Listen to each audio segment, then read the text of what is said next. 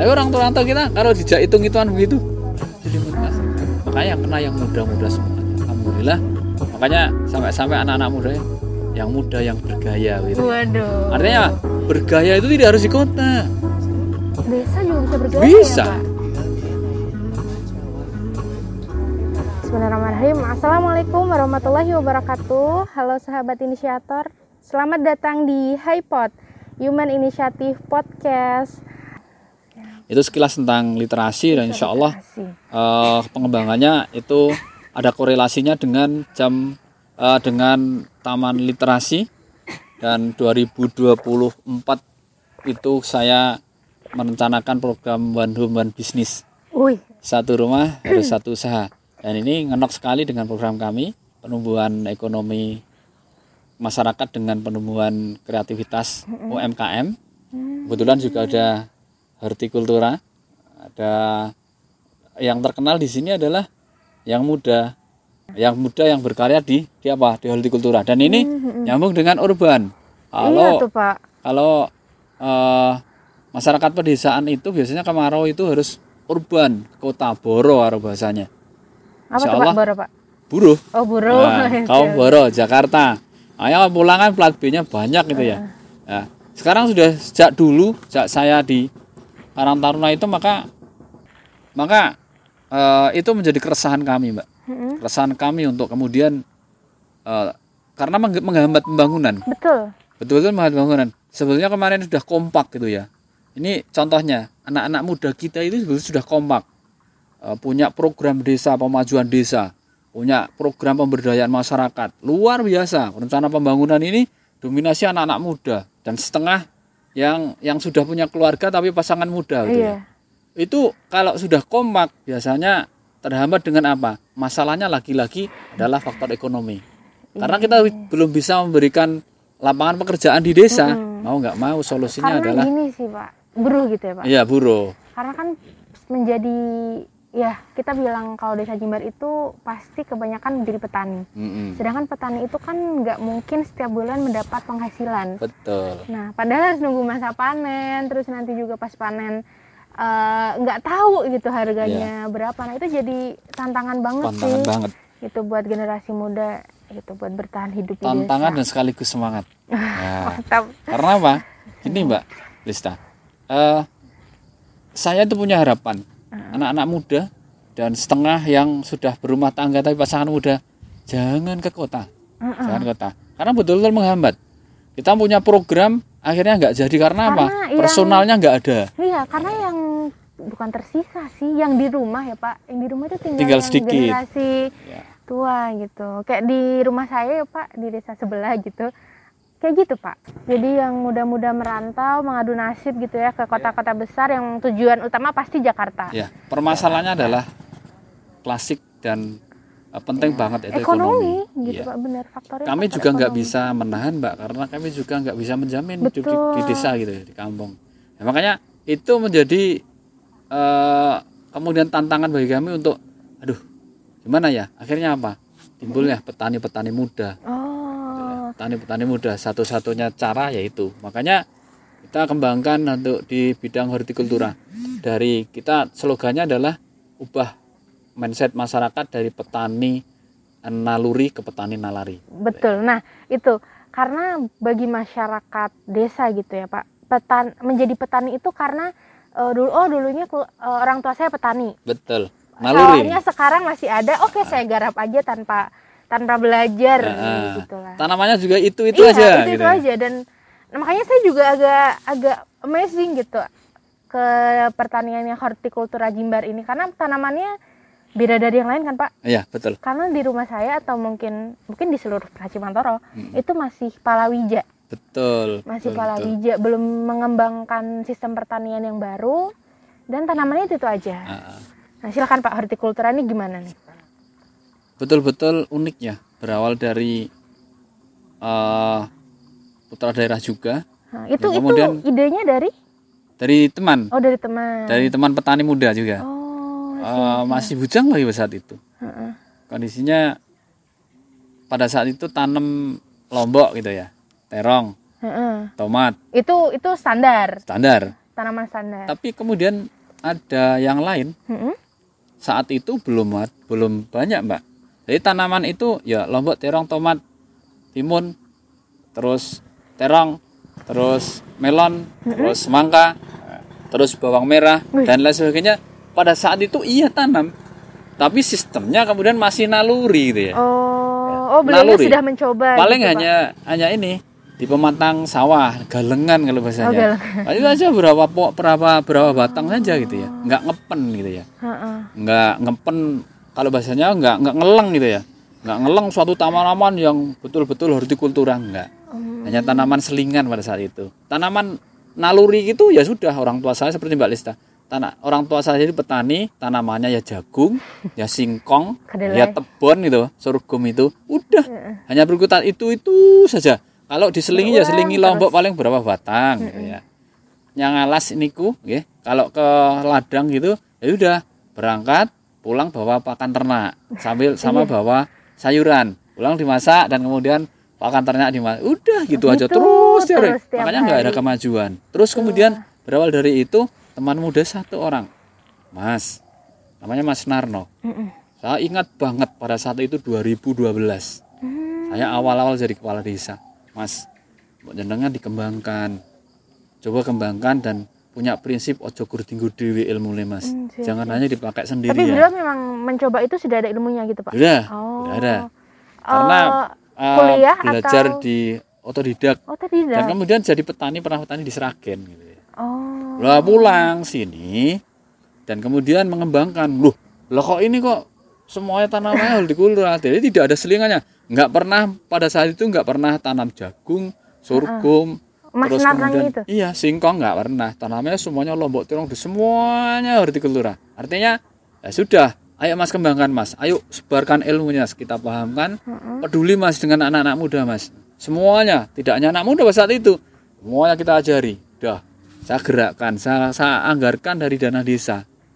Semuanya dari dana desa, baik peralatan, sarpras, yang modal-modal kita anggarkan. Semuanya kita bentuk ya. Kita bentuk kelompok usaha bersama petani-petani muda gitu ya. Hmm. Bukan petani muda saat itu. Semuanya petani, tapi yang kena apa ternyata? Yang kena mengubah mindset, lagi-lagi mengubah mindset. Dari petani naluri ke nalari ini yang kena baru yang muda.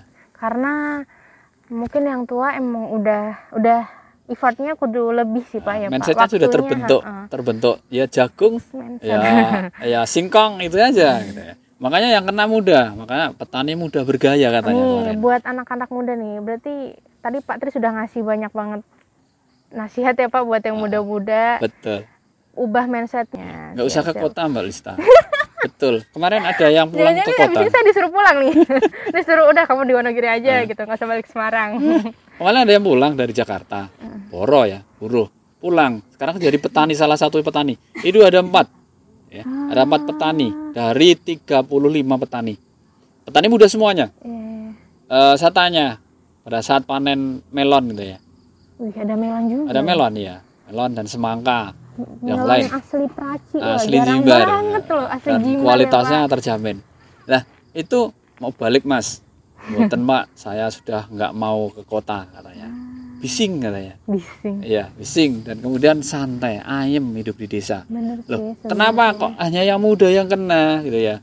Yang mindset itu yang bisa diberubah cepat itu yang muda walaupun yang yang tua juga ada sih, tapi nggak nggak sebanyak yang muda. Kenapa seperti itu? Gambarannya adalah kalau hortikultura itu mahal, Oh. biayanya gede, waktunya eh, semuanya terforsir di situ, di Tegal, di sawah yang itu eh, media tanamnya gitu ya. Padahal kalau kita hitung-hitung ya, taruhlah jagung. Jagung itu mulai dari persiapan lahan sampai panen itu membutuhkan tiga setengahan sampai empat bulan. Siap. Oke Itu lah. pertanian biasa ya Pak? Iya. Oke lah. Pada saat itu panen kemudian dari 1-2 kilo itu bisa jadi 2 kilo itu bisa jadi eh, 3 ton gitu ya. Mm. Panennya sekali panen banyak lah. Banyak sampai 4 jutaan, 5 jutaan gitu ya. Nah, kalau petani yang naluri si bapak-bapak itu itu ini loh sapanya segini. Empat juta. Padahal 4 bulan. Kalau dihitung sampai satu harinya berapa Iya, biayanya? Karena 4 juta itu 4 bulan. Empat bulan. Sebulan sejuta. Iya. Sejuta bagi 30. sih. Belum biaya hidup, biaya biayanya belum, Biaya- pupuknya. oh, betul betul biaya pupuk Nah, gitu gitu. Tapi di gambarannya itu timun itu hanya satu kilo hanya dua ribu, tiga ribu. Terus eh, terong juga begitu. Kalau lombok jelimet, resikonya gede gitu ya. Apalagi bawang gede merah. kadang eh, harganya juga naik turunnya cepat. Iya. Padahal kalau dihitung-hitung, oke lah kita nan nanam terong aja atau timun aja. Timun itu eh 40 hari panen.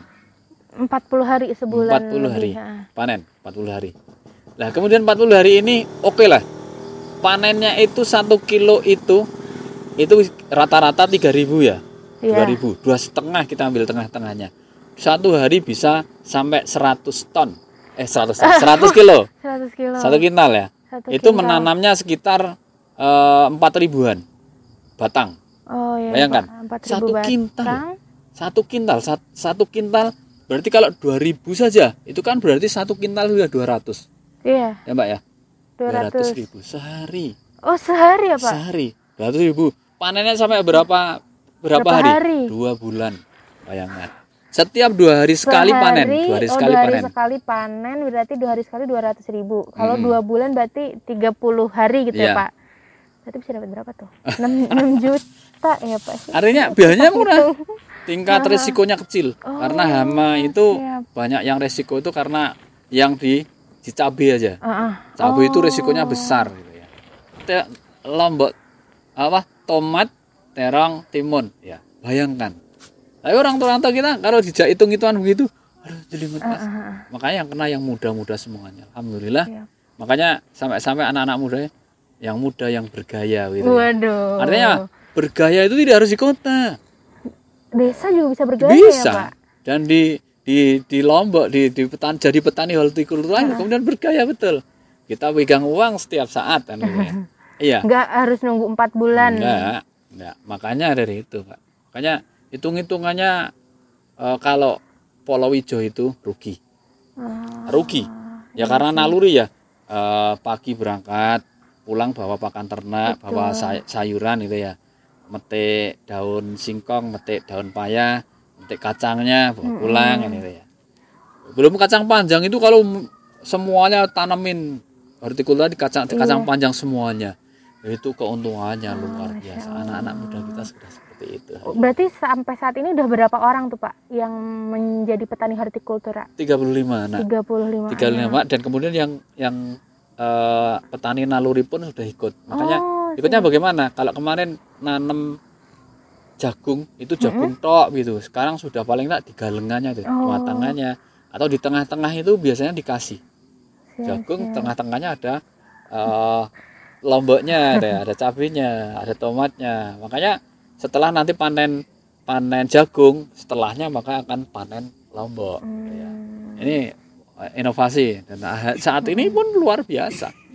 Dan boleh setiap hari itu ya kan berapa berapa ton ada dua tonan kumpul itu pak. Dan pemasarannya Oh iya, gimana tuh, Pak? pemasarannya tidak pernah kita itu kesulitan. Karena kebutuhan pasar di Prancis saja itu masih Berarti kurang larinya ke pasar Praci ya, Pak? pasir Prancis itu masih kurang pak. Sampai kalau pada saat berlebih itu sampai dibawa ke luar Prancis Hmm. Sampai ke DIY sampai ke Prancis karena kan kita ada Kita perbatasan di ya di tengah-tengah perbatasan ya. Ke Solo 2 jam, Jogja 2 jam. di Pacitan Jawa Pacitan Timur. juga malah tambah deket. paling satu jam. Iya. ke DIY satu jam itu ya Iya, Wonosari. Wonosari. Nah itu sekilas tentang hortikultura itu mengubah mindset anak-anak muda kita, orang petani-petani kita dari petani naluri ke petani nalari ya. Nalari itu hitung-hitungan itu betul-betul hitungan. Makanya kalau kemarin itu hanya yang alas eh, golek pakan, pulang bawa pakan ternak, bawa sayuran untuk dimasak. Sekarang sudah lain, mindsetnya petani kita sudah petani yang orientasinya sudah profit, profit oriented kita ya. Orientasinya udah orientasi keuntungan, orientasi udah bisnis. Hitung-hitungannya udah bisa gitu. Iya Pak. bisa, alhamdulillah.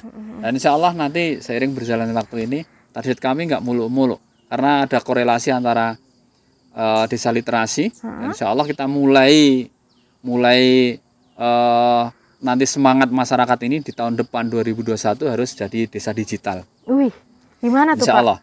Desa Semuanya. digital semuanya kita ubah men-setting dan semua itu sudah kemarin sudah kita eh, SDM kita sudah ubah bintek bintek bintek diklat diklat anak-anak muda sebagai IT oh gawe IT-nya Eh, jadi pelaku pelaku IT-nya itu anak-anak muda semuanya sudah kita bintek kan kemarin besok itu besok tang hari Selasa itu kita sudah ke teknik untuk web untuk Oh, web bikin desanya web desa Iya, gitu bikin ya, webnya. Pak. Semua potensi desa. Ha-ha. Nanti harapan kita semua masyarakat yang kemudian nge-like ya. oh Like semuanya masyarakat yang kemudian akan mempromosikan tentang desa kita gitu. Dan ini harus dan ini punya kewajiban untuk untuk masyarakat. Dan alhamdulillah karena sekali lagi semua itu karena kebersamaan kita yang sangat-sangat luar biasa. Sinergi kita yang sangat-sangat luar biasa inilah kemudian menjadi energi yang besar untuk kemudian memajukan desa ini. Lagi dan lagi fokusnya adalah keberkahan Iya, masya Allah gitu, ya. untuk keberkahan masyarakat. Ini kilas hortikultura insya Allah 2025 kita akan punya apa? Jimbar Jimbar, Hortipark. Jimbar Hortipark. Bisa jadi ini ya Pak, wisata juga ya Insya nanti. Allah. karena Ah, wisata kita bukan wisata alam yang kita buat ya, yang kita buat yang kita konsep adalah wisata Edukasi. karakteristik lokal kita di desa ini Oh, Ya, makanya eh, kita sering gerabyak semanaknya di secara keramah tamahan kegotong royongan ini dan realita yang ada ini pertama desa literasi mm-mm. eh, termasuk desa digital hortikultura eh, dan semuanya nanti akan korelasinya sampai nanti eh, Jimbar Hortipark 2025 Insya Allah Ya, kami optimis untuk itu. Ya. buat menyambut Jimbar Hortipark 2020 25 gitu ya buat teman-teman lima tahun nanti eh nanya- iya lima tahun kemudian semoga sudah ada dan kita bisa main ke Iya, Jimbar betul, insya gitu. Allah. ketemu Pak Tris Insya Allah. Siap siap. Kalau yang ini Pak saya balik lagi ke petani mudanya. Kira-kira usianya rentang berapa tuh Pak? Mulai dari ada yang masa sek- sekolah saya sudah mbak. Anak-anak sekolah. SMA, SMA gitu. pulang dia sudah ikut. Oh, ikut membantu. Eh, petani-petani itu ada yang eh, tidak petani melulu punya sendiri, bisa buruh taninya. gitu ya. Anak-anak muda itu sudah selain menanam sendiri, karena eh, bisa jadi itu kan juga lahannya orang tua kan gitu ya. iya Yang sempit, kalau sempit hanya kan tidak terlalu makan eh, banyak keluar tenaga, artinya masih bisa eh, membantu yang lain. Gitu. Misalnya dengan buruh dengan yang lain. Gitu ya. Dan kita jaga kualitas, mbak. Kita jaga kualitas.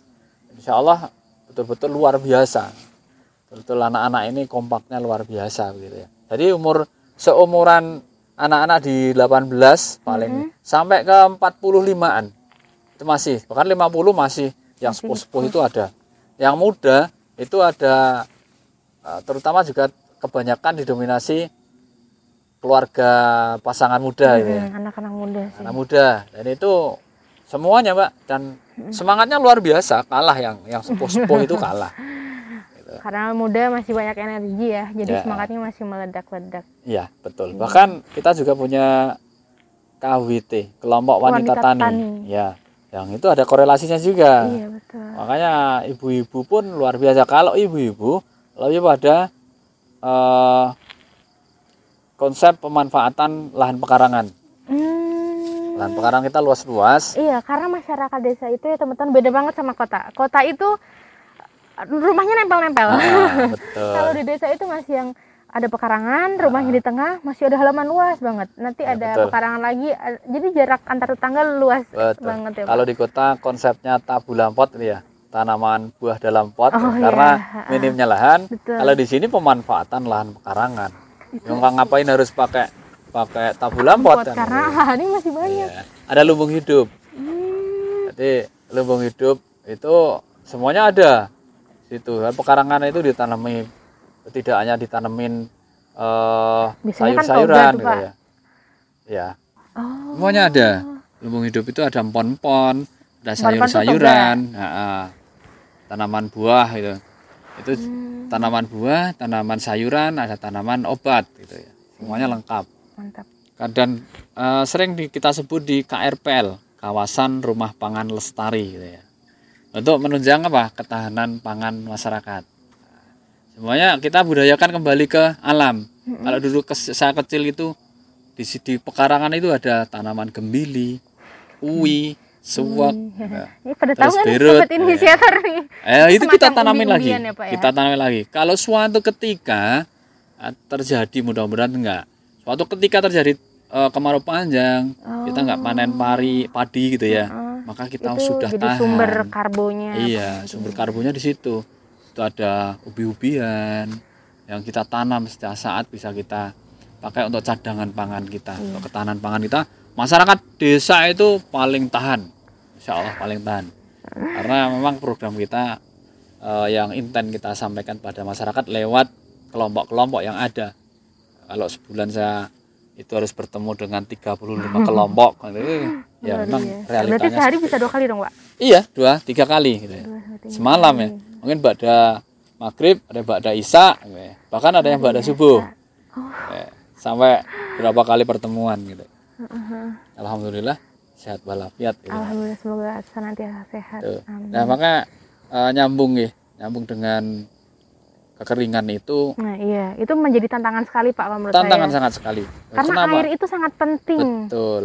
Makanya hortikultura itu kan identik dengan air toh. Oh gitu iya, ya. padahal kondisi Wonogiri khususnya. Kalimantan pada Jimbar Heeh. itu kering. Gimana tuh Pak?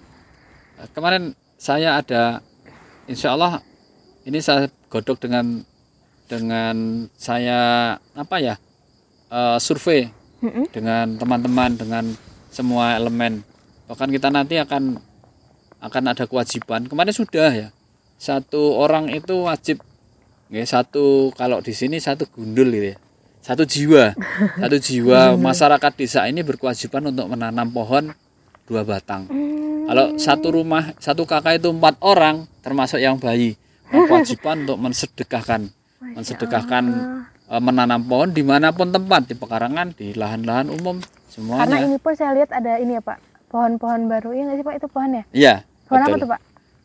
Itu kalau itu bukan, Mbak. Sana jati, ada banyak mahoni, Pak. bukan. Ya, Tanaman-tanaman liar itu. Saya kira kayak Dan nanti wajib, Mbak itu. Wajib. Jadi wajib harus wajib wajib tanam dan alhamdulillah hijau gitu ya. Makanya cadangan air tanah ini harus kita canangkan sekarang.